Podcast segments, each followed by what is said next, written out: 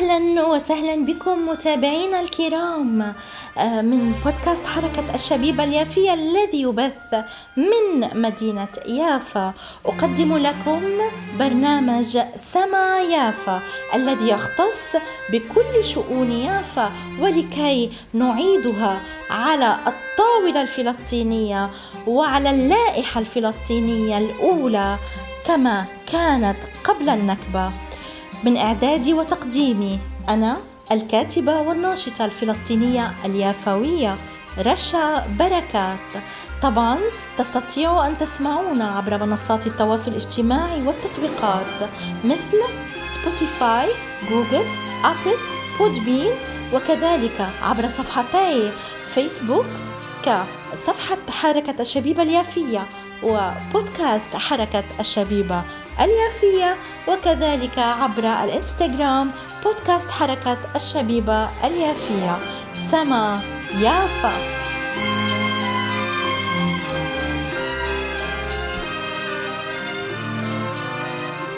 أهلا وسهلا بكم أعزائي المستمعين. بثاني حلقة لبرنامجي سما يافا. آه، اولا آه، لماذا قررت أن أسمي هذا البرنامج بسما يافا؟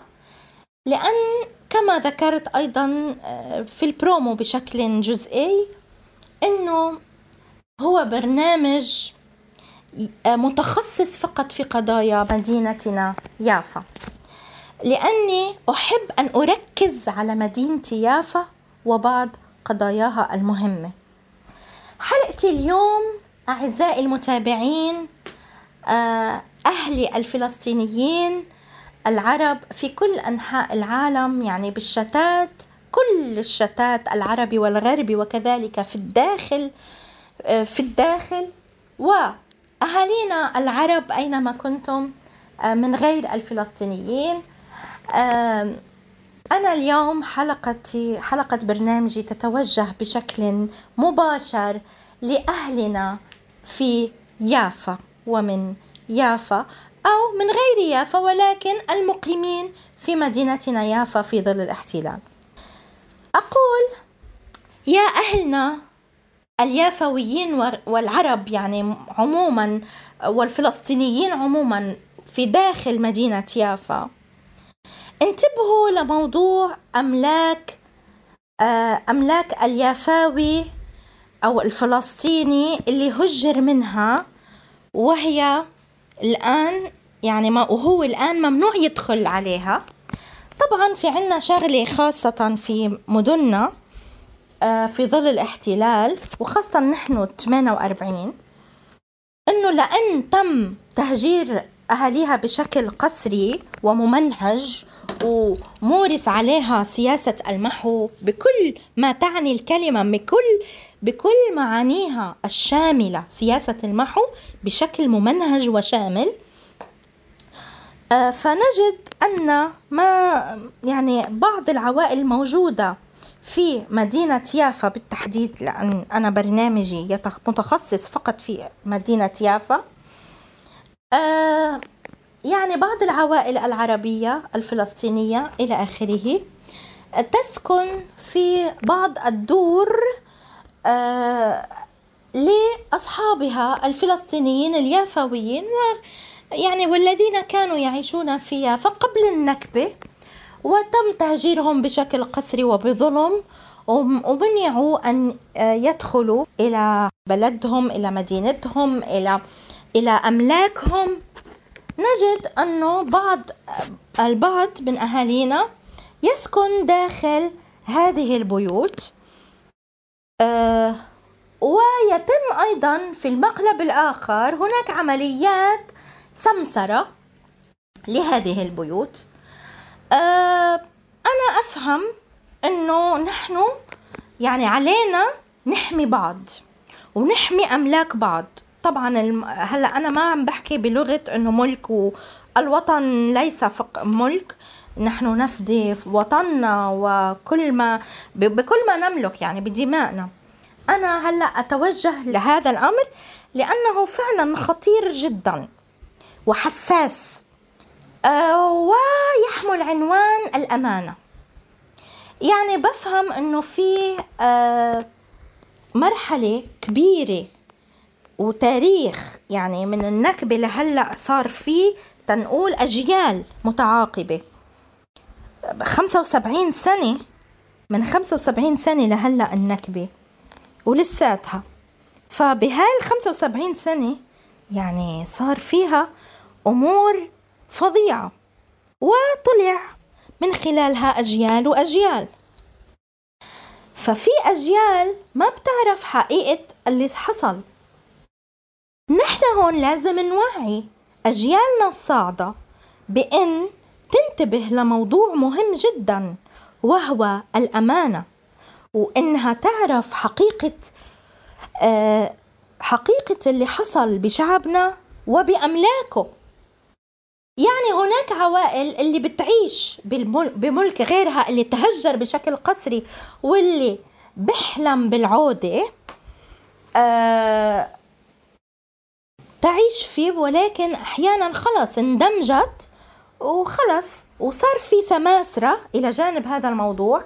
بدهم يقولوا إنه خلينا على القليلة نحفظ هاي الموضوع ونخليه للعرب. لما يسمى الآن فقط بالعرب يعني حتى كلمة فلسطيني ما بقى عم تستعمل. خلينا قلنا خلينا إنه هاي كمان هاي كذلك سياسة كمان مبطنة. يعني كمان تطعن بحق العودة وتطعن بالحق الفلسطيني المهجر تطعن بحقوق الفلسطيني. ونحن شعبنا لازم ينتبه لنقطة كتير مهمة هي الأمانة. يعني مختلف أي حدا متدين لأي دين كان آه، ما بنفع نروح نعمل إننا متدينين وبالمقرب الآخر آه، مفقودة عنا حس الأمانة. الأمانة جزء لا يتجزأ من أي ديانة هيدا إذا بدنا نحكي بالدين ومن الأخلاقيات الإنسانية إذا بدنا نحكي فقط إنسانيا. أه ما بنفع نسمسر بهاي الطريقة لأنها خطيرة جدا. وهذا سيناريو يكمل سياسة المحو ويؤثر سلبا. يعني موضوع خطير كذلك. يطعن كذلك بحق العودة وحقوق الفلسطيني. وشو ما بدكم تسموه اللي هو تهجر بشكل قسري عن مدينته وعن أملاكه. مثلا هناك عوائل تنقول أنا مثلا من عائلة بركات الملاك اللي عندها أملاكها. كان في بعض الأشخاص ساكنين آه، من غير اليهود ساكنين بملكنا. وطبعا أنا تواصلت مع البعض. و... وللأسف الصهاينة المحتل قرر إنه كمان يطردهم. يعني لأنه في أخذ يعني في قوانين عم بيطلعوها وفي عمليات ومشاريع على دور دورنا وأراضينا وأملاكنا وكله للاحتلال. طب بنفهم إنه نحن بدنا نقوي وجودنا العربي الفلسطيني ونعين بعض. ولكن بالمقلب الآخر علينا ما ننسى وما ننكر أي حدا سكن ببيت مش ملكه ما لازم ينكر إنه هذا البيت هذا الدار هذا ما بعرف شو هو له مالك حقيقي. أوكي؟ فالأمانة مهمة جدا في هذا الأمر.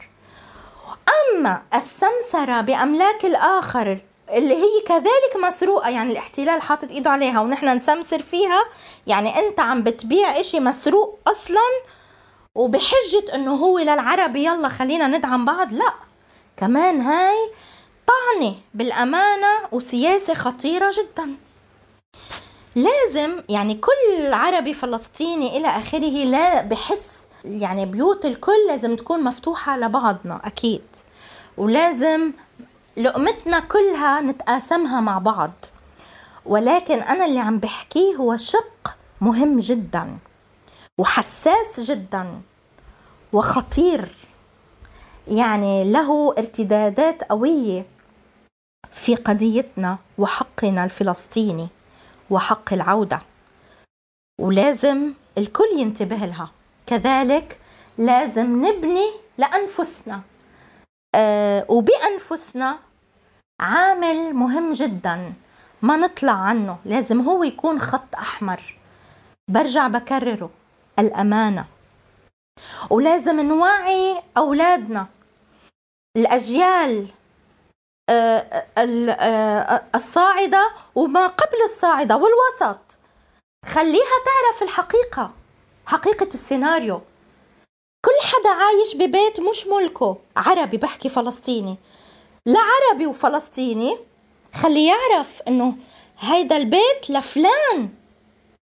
حتى لو ما بعرف إنه هو لفلان مثلا بس هيدا مش بيتي. مش لازم آخده وأتملكه ويلا وتشطح ويشطح الموضوع. انتبهوا. انتبهوا. والأمانة مهمة جدا. مهمة جدا. وكذلك هذا في شق الأخلاقيات والدين وعند رب العالمين مثل ما قلت. وبشق آخر هي مهمة جدا للقضية الفلسطينية للحق الفلسطيني للشعب الفلسطيني بالشتات وبالداخل. خلينا ننتبه. كذلك بدي ألفت نظر آخر واللي هو عن موضوع بعض الباحثين. الباحثين اللي في الداخل طبعا بيعرفوا كتير أشياء ولكن كذلك بتغيب عنهم أشياء كتير.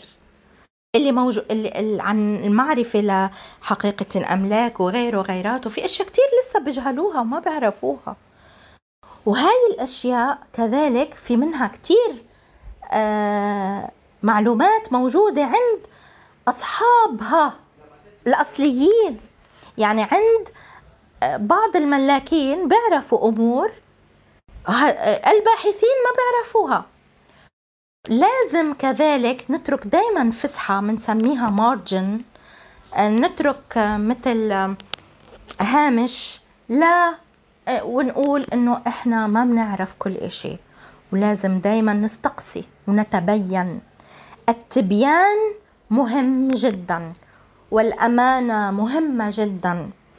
أتوجه وتوجهت لشعبنا العربي الفلسطيني اليافاوي. في يافا خلينا ننتبه لهاي المواضيع. قصة الدور اللي آه عم يعني ناخذها بمجال إنه يلا خلي للعرب يروحوا بلا هيدا. صح خلي كله للعرب ولكن الأمانة مهمة. نقعد بدور العرب الفلسطينيين بقصد ولكن نحفظ الحق. الحق لا يضيع ولا يمحى وما نكون مصلحجيين ويلا وناخد ونلهف لازم لازم كل حق لأصحابه يبقى ونحافظ على الأمانة ونحافظ على موضوع إنه نحاول نستع... نتبين هذا لمن وهذاك لمن. و آه، من سمسر ومن بيع ومن هيدا. ما بيصير. حرام حرام حرام. يعني لا يجوز. ما ممكن ما ممكن هال هالموضوع ينقبل بكل شيء. قديش في أعداد من الشعب الفلسطيني خليني أحكي أليافاوي محروق. ليدخل على مدينته ومحروق على بالكم وأنا دائما بصادف أشخاص بيقولوا لي هون كان عنا بيارة هون كان عنا دار هون كذا. يا الله لو نعود ليافا. يعني بدنا ننتبه. بدنا ننتبه. بدنا ننتبه. في أمور فاتت ببعضها صحيح ومتشابكة وفي شتات ولكن خلينا نرجع نجمع بعض ونشد من أزر بعض ونحاول نكون أنقياء مع بعضنا البعض وإنسانيين وحقانيين. إحنا بنحافظ بنقاوم الاحتلال عشان الحق. مش لازم نحن نغرق ونصير نحن نساوي ونتعادل مع أعمالنا تتعادل مع أعمال الاحتلال اللي هو نحن ضده بموضوع السرقة والتهجير والقتل وإلى آخره. لازم نحن نفطن لهالموضوع ونحذر منيح من هالموضوع واللي تطرقت له صح إنه بشكل آه بشكل عادي عم بتطرق له ولكن أبعاده كتير مهمة وهو شيء خطير جدا عم بصير ويعني بيأثر تأثير سلبي جدا آه، أي شيء سلبي عم بيصير بيأثر تأثير آه، خطير جدا على موضوع حق العودة وموضوع آه، حقوق الشعب الفلسطيني اليافي. الشعب اللي تهجر بشكل قسري ولا قضيتنا بالمجمل. هاي كمان يعني تكملة للسيناريو المحو. هاي سياسة الخربطة والمحو واللعب والضحك والهيك كمان هاي بدنا ننتبه لها ونفطن لها. عاشت يافا. هي وسماها وبحرها وبرتقالتها عاشت يافا. أودعكم بحلقة جديدة إن شاء الله وعنوان جديد. سلامات يا أهل شعبنا بالداخل وبالشتات. وانتبهوا منيح يا شعبنا بيافا. انتبهوا منيح يا أهلنا اليافاويين وخلينا كلياتنا نجتمع على كلمة وحدة. حب الوطن وحب أنفسنا لبعض والأمانة الأمانة الأمانة. بودعكم لهون للمرة الجاي. إن شاء الله بلاقيكم بسما يافا. احكيلي عن بلدي احكيلي يا نسيم اللي مارق عالشجر مقابيلي عن أهلي حكاية عن بيتي حكاية عن جار الطفولة حكاية طويلة